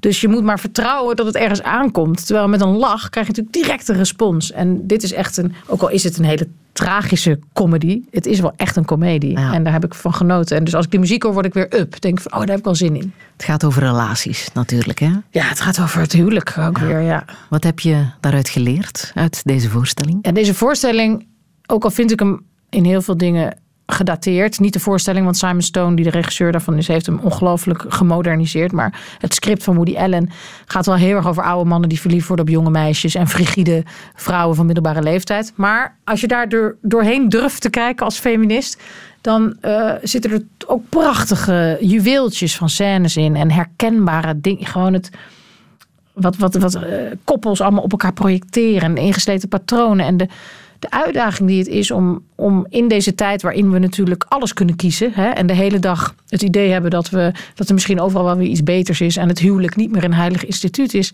eh, Is het een hele grote uitdaging om met elkaar eh, door het leven eh, je heen te slaan als koppel. En Voor jou ook?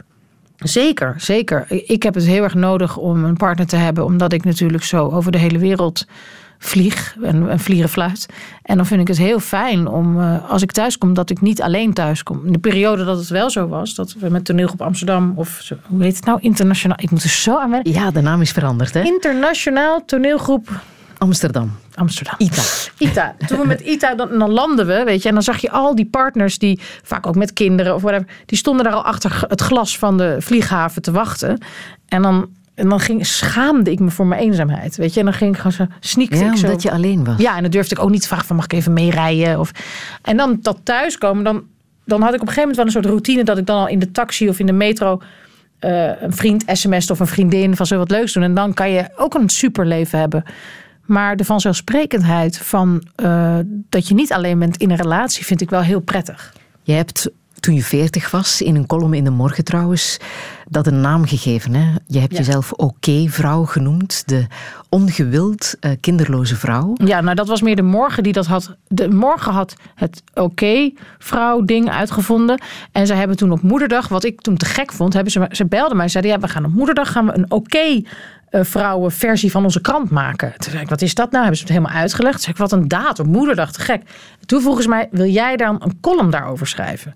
En dat heb ik toen gedaan en dat is toen ja, een beetje geëxplodeerd eigenlijk. Maar zo was het wel hè, op dat moment. Je was een ongewild kinderloze vrouw. Ongewenst kinderloze vrouw is het geloof ik. Ik weet het niet eens meer. Ja, en dat deed pijn. Nou ja, dat is gewoon een, eh, een ongelooflijk duale ervaring. Kijk, wat de essentie daarvan is vrouw zijn. Want of je nou wel kinderen hebt, geen kinderen hebt, carrière hebt, geen carrière. Het is eigenlijk nooit goed. Want als jij een carrièrevrouw bent en je hebt kinderen, word je daarop aangekeken. Van, eh, ik heb vriendinnen die. Een vriendin van mij, Hadewig Minus, haar man, partner, is een beroemde actrice in Nederland, is ook acteur. Zij zijn echt een bekend koppel. Als hij bij het schoolplein staat, is er niemand die ook maar iets tegen hem zegt o- daarover. Behalve, oh, wat een leuke serie, of ik zag je weer op tv. Zodra Hadewig daar staat, gaat iedereen, nou, je bent wel veel aan het werk. Je bent wel... Dus de stigma's die rondom vrouwen hangen en wat ze wel of niet moeten zijn in de maatschappij, is gigantisch. En het moederschap is natuurlijk een van de allergrootste eh, zaken waar je als vrouw, ook als man wel, maar als vrouw nog meer, moet toe verhouden. Of je ze wel of niet krijgt, wanneer je ze krijgt, hoeveel je er krijgt. Als je er één hebt, waarom heb je er geen twee, enzovoort, enzovoort. Ja, dat is gewoon iets heel moeilijks. En ik ben nu 44, ik heb nog steeds geen kinderen. Soms denk ik nog wel eens, misschien krijg ik er nog wel een. Eh, misschien is dat naïef. Eh, maar het is iets wat nog, nog steeds een, een enorme rol speelt in mijn leven. Je hebt ook een, een soort onderzoek gedaan eh, in een eh, documentaire. Ben je bij je zussen te raden gegaan, bij je, je vriendinnen. En je stelde ook echt wel de vraag, zal een kind mij gelukkig maken? Ja, dat is natuurlijk een hele banale, rare vraag. Hè? Want, Maar wel was ik natuurlijk ook oprecht had ik de vraag... is het een goed idee om dat te doen voor mij of niet? Ik, ik zelf geloof heel erg in dat mijn leven zich zal ontrollen zoals het zich zal moeten ontrollen. En ik was toen op dat moment had ik geen partner. Dus de- dan kan je nog steeds natuurlijk een kindje nemen, maar dat is een hele andere keus. Dat Ook wou voor- je niet. Nee, en ook voor het kind zelf. Ik kom zelf uit een afwijkende jeugd. En dat heeft mij ook best wel veel, eh, heel veel gebracht, maar ook heel veel gekost. En ik denk als je een kind bent van één moeder, ja, ik, ik zag dat niet per definitie zitten. Ik dacht echt van als ik een kindje wil, wil ik het samen met een partner, ook om het samen te kunnen delen, te dragen, te, van te genieten. En dat gebeurde niet. En dus was ik die oké-vrouw opeens. Dan kreeg ik dat stempel. Maar gelukkig leven we nu in een tijd waarin ik niet meer gedefinieerd word door wel of niet moeder zijn. Maar waarin ik gedefinieerd word om mijn daden, om mijn werk, om wie ik ben. En mag ik gewoon zijn. Zonder dat dat altijd op de voorgrond treedt. Want in ieder interview, toen ik eh, vanaf mijn dertigste denk ik, was dat eigenlijk de eerste vraag. Vreemd. En aan mannen wordt die vraag bijna nooit gesteld. En dus is het nog steeds natuurlijk in onze moderne wereld gewoon iets waar we aan moeten wennen. En kijk, op het moment dat jij geen kinderen hebt, of je dat nou wil of niet, voor iedereen is dat spannend. Want biologie zegt gewoon plant voort, plantje voort, plantje voort. Dat is ons bestaan, is ons bestaansrecht. En als die mensen van de kudde afwijken, is dat gewoon eng. Ik kan mezelf ook betrappen als ik in een restaurant zit, zie ik bijvoorbeeld een vrouw zitten die ik vaag ken, waarvan ik weet die geen kinderen heeft en die geen partner heeft. denk ik, oh, wat zielig. Denk ik, oh nee, dat ben ik zelf ook. We zijn allemaal geconditioneerd om. En ik denk, ik denk ook heel vaak, vraag ik ook aan iemand die ik net ontmoet, van heb je een partner? En als iemand dan zegt ja, en ik heb twee kinderen, denk ik, oh gelukkig, wat fijn. Waarom eigenlijk? Dus andersom heb ik ook die interesse en die behoefte om die vragen te stellen. En eigenlijk is dat ergens gek. Nou ja, goed. Ik, is- ik ben er nog steeds heel erg mee aan het worstelen en aan het, aan het, over aan het denken. Maar het is wel veel meer geluwd dan ten opzichte van die tijd. Je kreeg het advies om meer eh, ruimte te maken voor jezelf in dat drukke leven van jou. Ja, maar dat, kijk, het advies om meer ruimte te maken voor mezelf vind ik een topadvies. Maar dat zou ik ook aan een man geven die heel druk is. Weet je, dan zou ik ook zeggen, maak even wat meer ruimte voor jezelf, is belangrijk. Maar dat ik ruimte zou moeten scheppen om een kind te krijgen, vind ik gewoon achterlijk. Daar ben ik echt, daar ben ik zo blij mee dat dat, dat dat nu echt aan het veranderen is in deze nieuwe feministische tijd. Dat Hoezo moet ik ruimte scheppen? Waarom mag ik niet super ambitieus zijn? Waarom mag ik niet eh, eh, eh, de bazin van Shell willen worden? Weet je, waarom moet ik per se als vrouw ruimte gaan scheppen om een mooie fuck off? Ik wil gewoon zijn wie ik ben. Ik ben als, ik, als ik de hele dag 24 uur per dag wil werken, dan ben ik een inspiratie voor allemaal jonge vrouwen. Dus ik denk dat de vrouw nu juist de opdracht moet hebben om zichzelf te bevrijden van al die stereotypen waar we maar aan hebben moeten proberen te voldoen. Aan de andere kant ben ik het helemaal eens met iedereen die tegen mij zegt: relax, want ik wil ook graag relaxen en iedereen moet relaxen, maar niet om dan vervolgens een kind te kunnen krijgen. Nu heb je een relatie. Yes, ik heb een relatie. En is het een goede? En is het een goede relatie? Ik ben heel, ja, ik bedoel, ik ben super gelukkig met Daniel. Hij is voetballer geweest, professioneel. Hij studeert nu rechten. Dus hij is helemaal opnieuw begonnen eigenlijk. Eh, dit is zijn tweede jaar. Je bent samen met een student. Ja, ik ben samen met een student. Dus er komen ook hele jonge mensen bij ons over de vloer. En ik vind het fantastisch. En ik vind het heel inspirerend dat hij eh, ook de moed heeft ge- ge- gehad om dat te doen. Want je begint echt weer helemaal from scratch. En het liep een beetje parallel dat ik de film ging maken en hij ging studeren. En ik denk dat dat voor ons allebei heel erg prettig is. Dat we allebei eigenlijk een nieuw leven zijn begonnen. En daarin elkaar heel erg steunen. En, want er gebeuren allemaal nieuwe dingen voor mij. Daarom hadden we ook met eh, Roskam even afgesproken. Omdat er gebeuren zoveel nieuwe dingen die ik niet begrijp. En die ik, waar ik geen ervaring mee heb. En waar ik geen antwoorden op heb. En dat is ook heel prettig. Omdat met Daniel, die ervaart het natuurlijk ook als hij naar school gaat. En de tentamens. En stage gaan lopen straks. Of een uitwisseling doen. Of nou, dus we hebben allebei een gevoel van een beetje Alice in Wonderland in een nieuwe wereld. En dat is heel, eh, ja, is heel leuk. Jij eh, zit in een eh, heel attractieve theaterwereld, filmwereld. Hij kent de voetbalwereld van binnen en buiten. Ja. Zijn daar overeenkomsten? Ja, er, er zijn heel veel overeenkomsten. Ik denk ook, toen wij verkering kregen, was ik volop aan toeren over de wereld. Met eh, Ita en Ivo en alle ensembleacteurs. En hij ging heel vaak mee, want hij was op dat moment al gepensioneerd voetballer. En hij, eh, ja, hij herkende alles. Hij vond echt het ensemble lijkt natuurlijk precies op een team. Ivo was de coach. Hij, hij, hij kon het helemaal eh, op zijn eigen werk leggen. Wij kunnen natuurlijk niet winnen of verliezen. Snap je? Het is, Ja, ja. Hij vond het heel interessant dat er ook. Hij zei ook heel vaak als ik dan zei. Ja, maar ik heb zo zenuwachtig. Zei ben je nou zenuwachtig? Je weet precies waar je moet gaan staan. Je weet precies wat je moet gaan zeggen. Nou, dat hadden wij niet hoor, weet je wel. Dus het is heel leuk ook, ook om te relativeren. En ook mijn collega's genieten heel erg van hem als hij er is. Omdat het, is, het geeft ook een hele grote insight. Hoe ga je met je zenuwen om? Hoe ga je met druk om? Daar heeft hij heel veel over te zeggen. Dus ehm, ja, het, het, is, het is een hele leuke ontmoetingen van twee werelden. De liefde, wat is dat? Uiteindelijk is liefde voor mij eh, alles. Is dat niet zozeer de romantische liefde, als wel gewoon dat dat de hele reden is dat we, dat we er eigenlijk zijn. We kunnen ons allemaal verliezen, zeker ik, in ego en woede en ambitie en wat het, jaloezie. En, maar uiteindelijk is liefde eh, alles. Is gewoon wa- wat we hier komen doen. Dit mag blijven duren? Mijn liefde met, met Daniel, ja, alsjeblieft. Ik, ik, ik verveel me geen moment. Ik moet al lachen als ik aan hem denk. Echt, ik, ik, vind het een, eh, ja, ik vind het echt een kaleidoscoop van een figuur die, ja, die me altijd blijft verrassen, verbazen en inspireren. Heb je ook je hele traject, je leven nodig gehad om te weten welke relatie een goede relatie voor jou was? Nou, wel dat je veel meer leert dat ook daarin je alles moet loslaten. En ook iemand vooral moet loslaten. Ik ben heel erg iemand die of helemaal iemand gaat claimen of niet meer geïnteresseerd is. En met hem kan ik echt, we kunnen naast elkaar bestaan. Snap je? Hij is lekker dat aan het doen en ik ga lekker daarheen. En dan ontmoeten we elkaar weer. In plaats van dat je voortdurend het gevoel hebt dat je de ander naar jezelf toe moet kneden. Of juist te veel loslaat. Dus we zitten, ja, dat, ik ben wel 44 geworden om dat te kunnen, ja.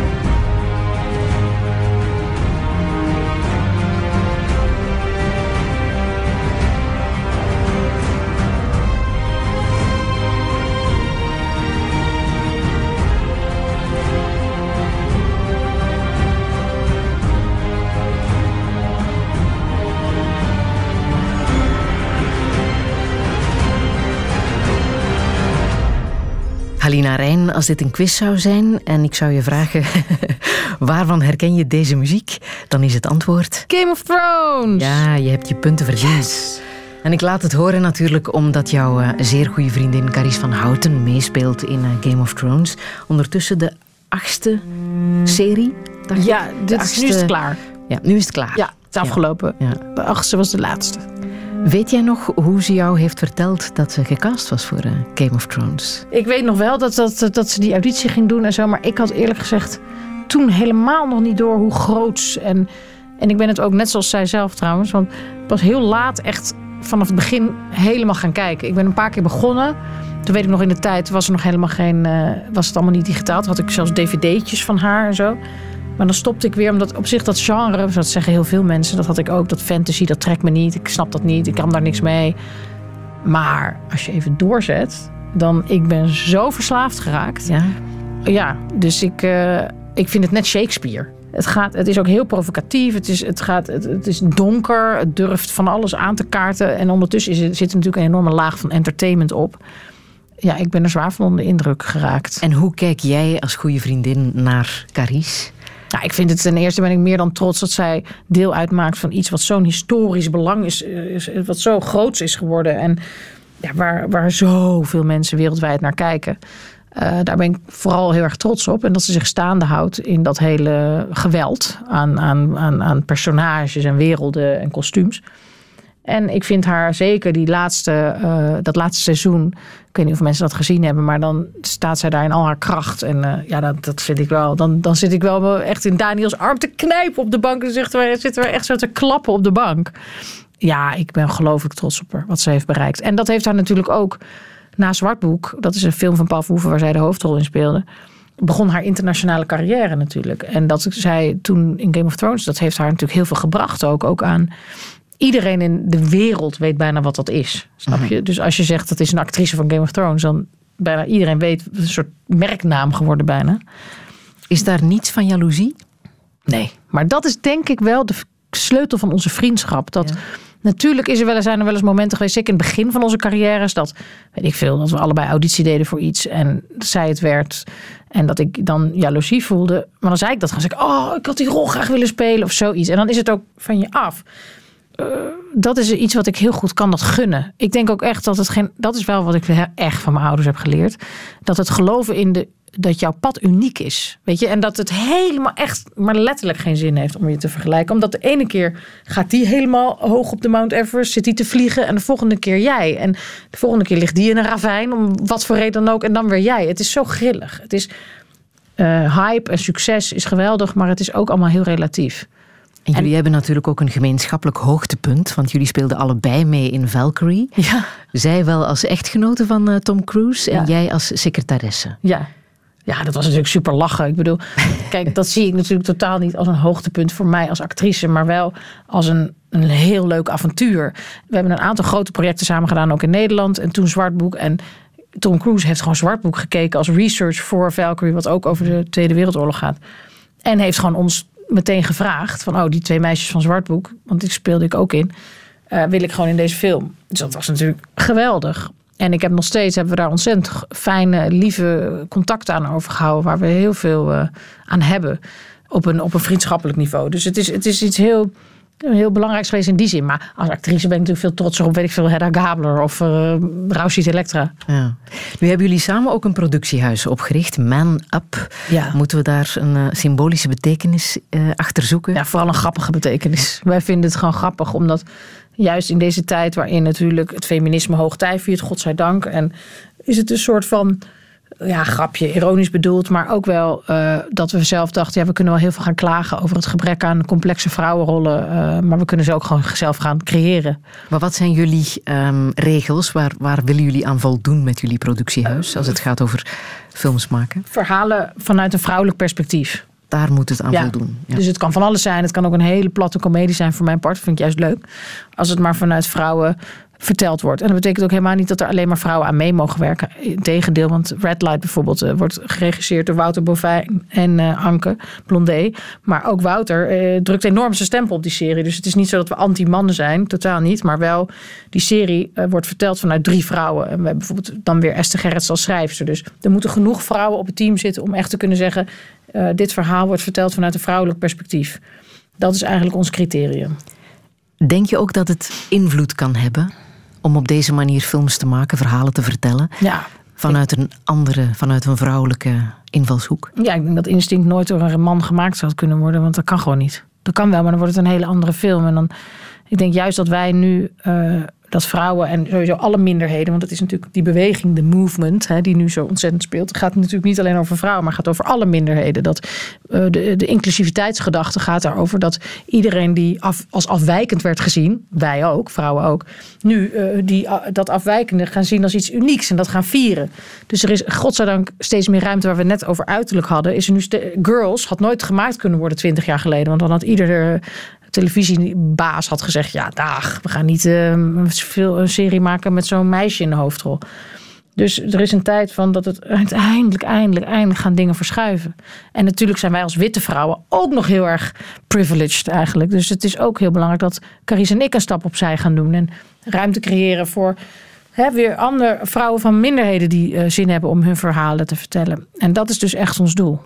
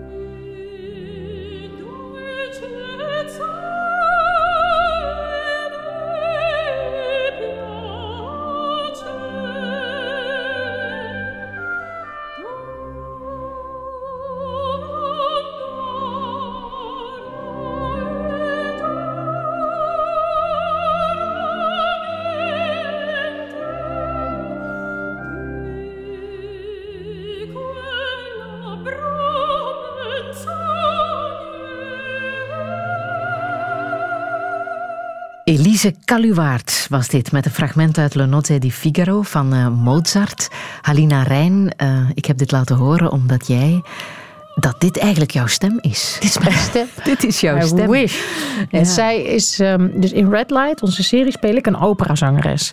En ehm, zij is A, mijn coach geweest daarbij. En, en gesprekspartner van, goh, hoe, hoe ziet die wereld eruit? Hoe is die dynamiek onderling? Nou, enzovoort. Maar ook is zij, eh, als ik ga zingen, mijn stem. Dus eh, tijdens de opnames, bijvoorbeeld in het concertgebouw... wat een beroemde concertzaal is van Amsterdam... Hadden we allemaal figuranten. En dan hadden we een band met haar, door haar ingezongen opera. En ik had die helemaal uit mijn hoofd geleerd. En ik zing dan ook echt mee, wat natuurlijk super schaamtevol is. Ik zei, zet die band nog maar wat harder. maar dat moet wel, omdat je anders niet gelooft... door keel- en mondbewegingen dat ik het zing. Maar zij is dus geleerd over het eh, leven van een operazangeres. dat het, dat het heel veel parallellen heeft met bijvoorbeeld mijn solo La die ik met Ivo heb gemaakt, die ik al tien jaar speel. eh, zo over de wereld spelen. Dat zeker als je, zij zingt ook vaak solo. Hè? Dus niet zozeer in een toneelstuk, opera, laat maar zeggen, maar als solo-artiesten. En dat is die eenzaamheid daarvan. En dat, dat lijkt heel erg op wat wij doen, of wat ik dan doe met die solo. Maar je stem is zo kwetsbaar. Kijk, wij zijn ook doodsbang als we 's ochtends wakker worden, we zijn hees. Maar voor hun is het gewoon, dat kan niet. Dus iedereen die parfum opspuit, bepaalde soorten bloemen. Je bent continu in een totale obsessie met je eigen lichaam als instrument. Ja, dat is nog tienduizend keer zwaarder dan wat wij doen. Dus ik heb een diep respect voor haar en voor die hele branche gekregen. Je bent ondertussen 44, hè? Ja. Hm. Wat zou je echt nog willen in het leven? Oeh, dat klinkt alsof ik al bijna ga. Eh, nee, maar ik denk daar wel over na. Want het is natuurlijk de klassieke midlife eh, Ja. eh, leeftijd... waarin je echt de rekening wel gaat opmaken. Nou, vooral heel veel fijne gesprekken en ontmoetingen hebben met mensen. Dat vind ik eigenlijk het leukste aan het leven. En verder zou ik wel heel graag nog eh, dingen willen maken. Mijn intentie daarmee is om dat mensen zich minder alleen voelen. Zoals ik, als ik voorstellingen van Ivo zie, voel ik me minder alleen. En, en ik hoop dat mensen, als ze Instinct zien of mijn nieuwe films die ik ga maken, dat ze zich dan ook minder alleen voelen. Nederland heeft Instinct eh, geselecteerd voor de Oscars. Klopt. Ja, in januari weet je meer, of je ook effectief naar eh, de Oscar-uitreiking gaat. Ja, dat is natuurlijk een enorme eh, lange weg. En eh, eh, ja, dat hebben jullie als België veel vaker meegemaakt dan wij. Want jullie doen het veel beter tijdens de Oscars. Maar het is natuurlijk een proces wat niet te vergelijken is met hoe wij dat hier in Europa kennen. Het is niet een jury die dat gaat beoordelen. Het is een academy die moet worden verleid om überhaupt jouw film te gaan zien. Nou, en dan krijg je allemaal systemen waarvan je denkt: wat gebeurt hier? Dit druist heel erg tegen mijn Europese integere hartje in. Aan de andere kant is het ook eh, geweldig om mee te mogen maken. En is het alleen al heel leuk dat zelfs nu al die Academy members dan wel, dat zijn allemaal producenten en oude regisseurs of regieassistenten, mensen uit de filmwereld die allemaal je film zien en waarmee je in gesprek gaat. Nou, dat vond ik een geweldige ervaring. Het zijn vaak hele oude mensen. Met, met prachtige verhalen en die ook heel open reageren op wat je hebt gemaakt. Maar of we uiteindelijk. Mijn film is zo provocatief dat ja, ik ben benieuwd of, of, of, eh, of we in aanmerking komen. Maar ik heb er wel een goed gevoel over. Maar goed, we zullen het meemaken. Maar ondertussen ben je ook al bezig met, met nieuwe projecten. Je hebt al nieuwe ideeën. Ja, we, zijn, eh, we hebben bijvoorbeeld de rechten gekocht van een boek dat heet Het Hoge Nest. Dat gaat over twee zusjes in de Tweede Wereldoorlog. Wat we gaan verfilmen. We zijn bezig met heel veel projecten. Ehm, er komt nu ook heel veel op mij af uit Amerika. Zeker ook omdat ik ook surf op die feministische golf. Hè. Er is een enorme vraag naar vrouwelijke regisseurs. Uh, dus ik ben allerlei keuzes aan het maken. En op dit moment is dat heel spannend voor mij. Een gevoel van nieuwe horizon, een nieuwe leven. En ook wel angst, daar ga je weer, de demonen, om de goede keuze te maken.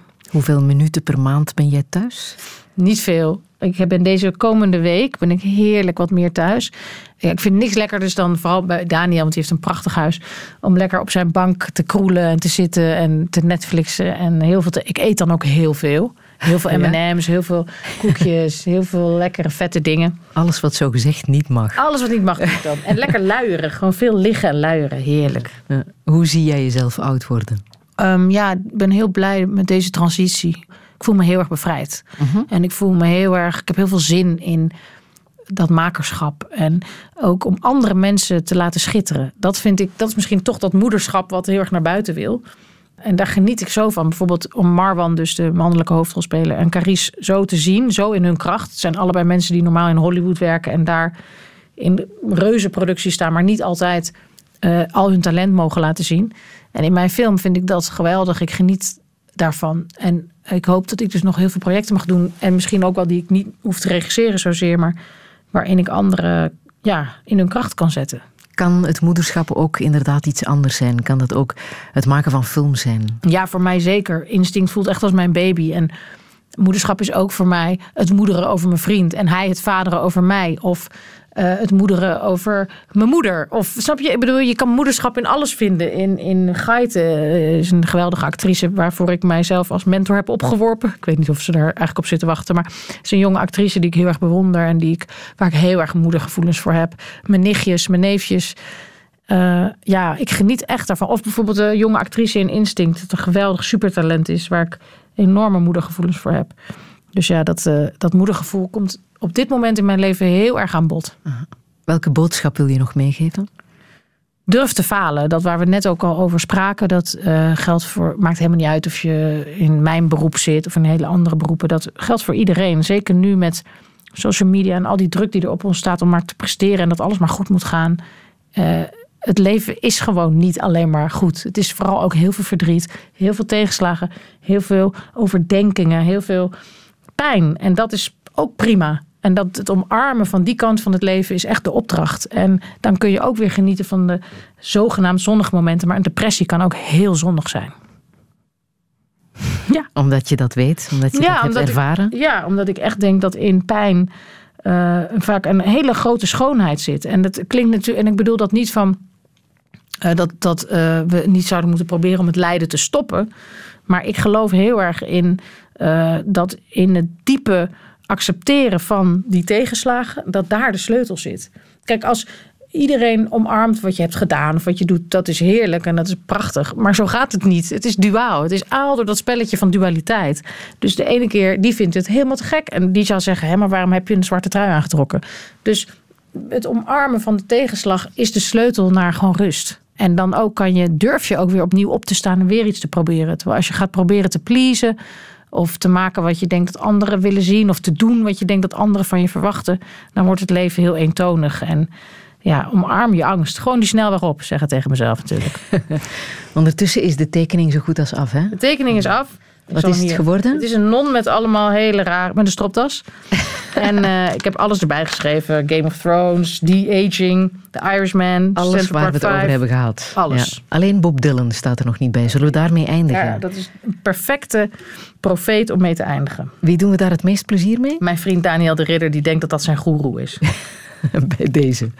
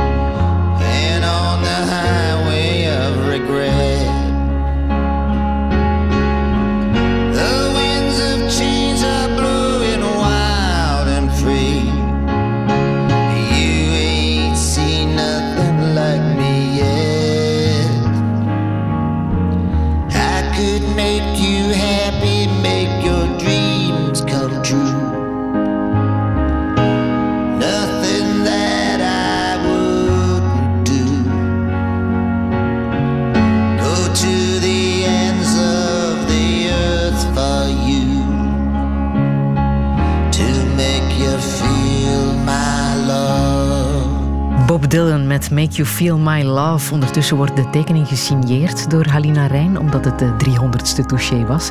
Ik wil je hartelijk danken voor eh, het fijne gesprek. Ik vond het een geweldig gesprek. Het is zelden heb ik dit meegemaakt. Oh, echt fijn, fijn om te horen. Alle info is ook na te lezen op onze website radio1.be. En eh, volgende week zit hier een landgenoot van jou, een schrijver. Arthur Japin komt langs. Oh, wauw. En jij proficiat met de 300. Dankjewel. Fijne zondag nog.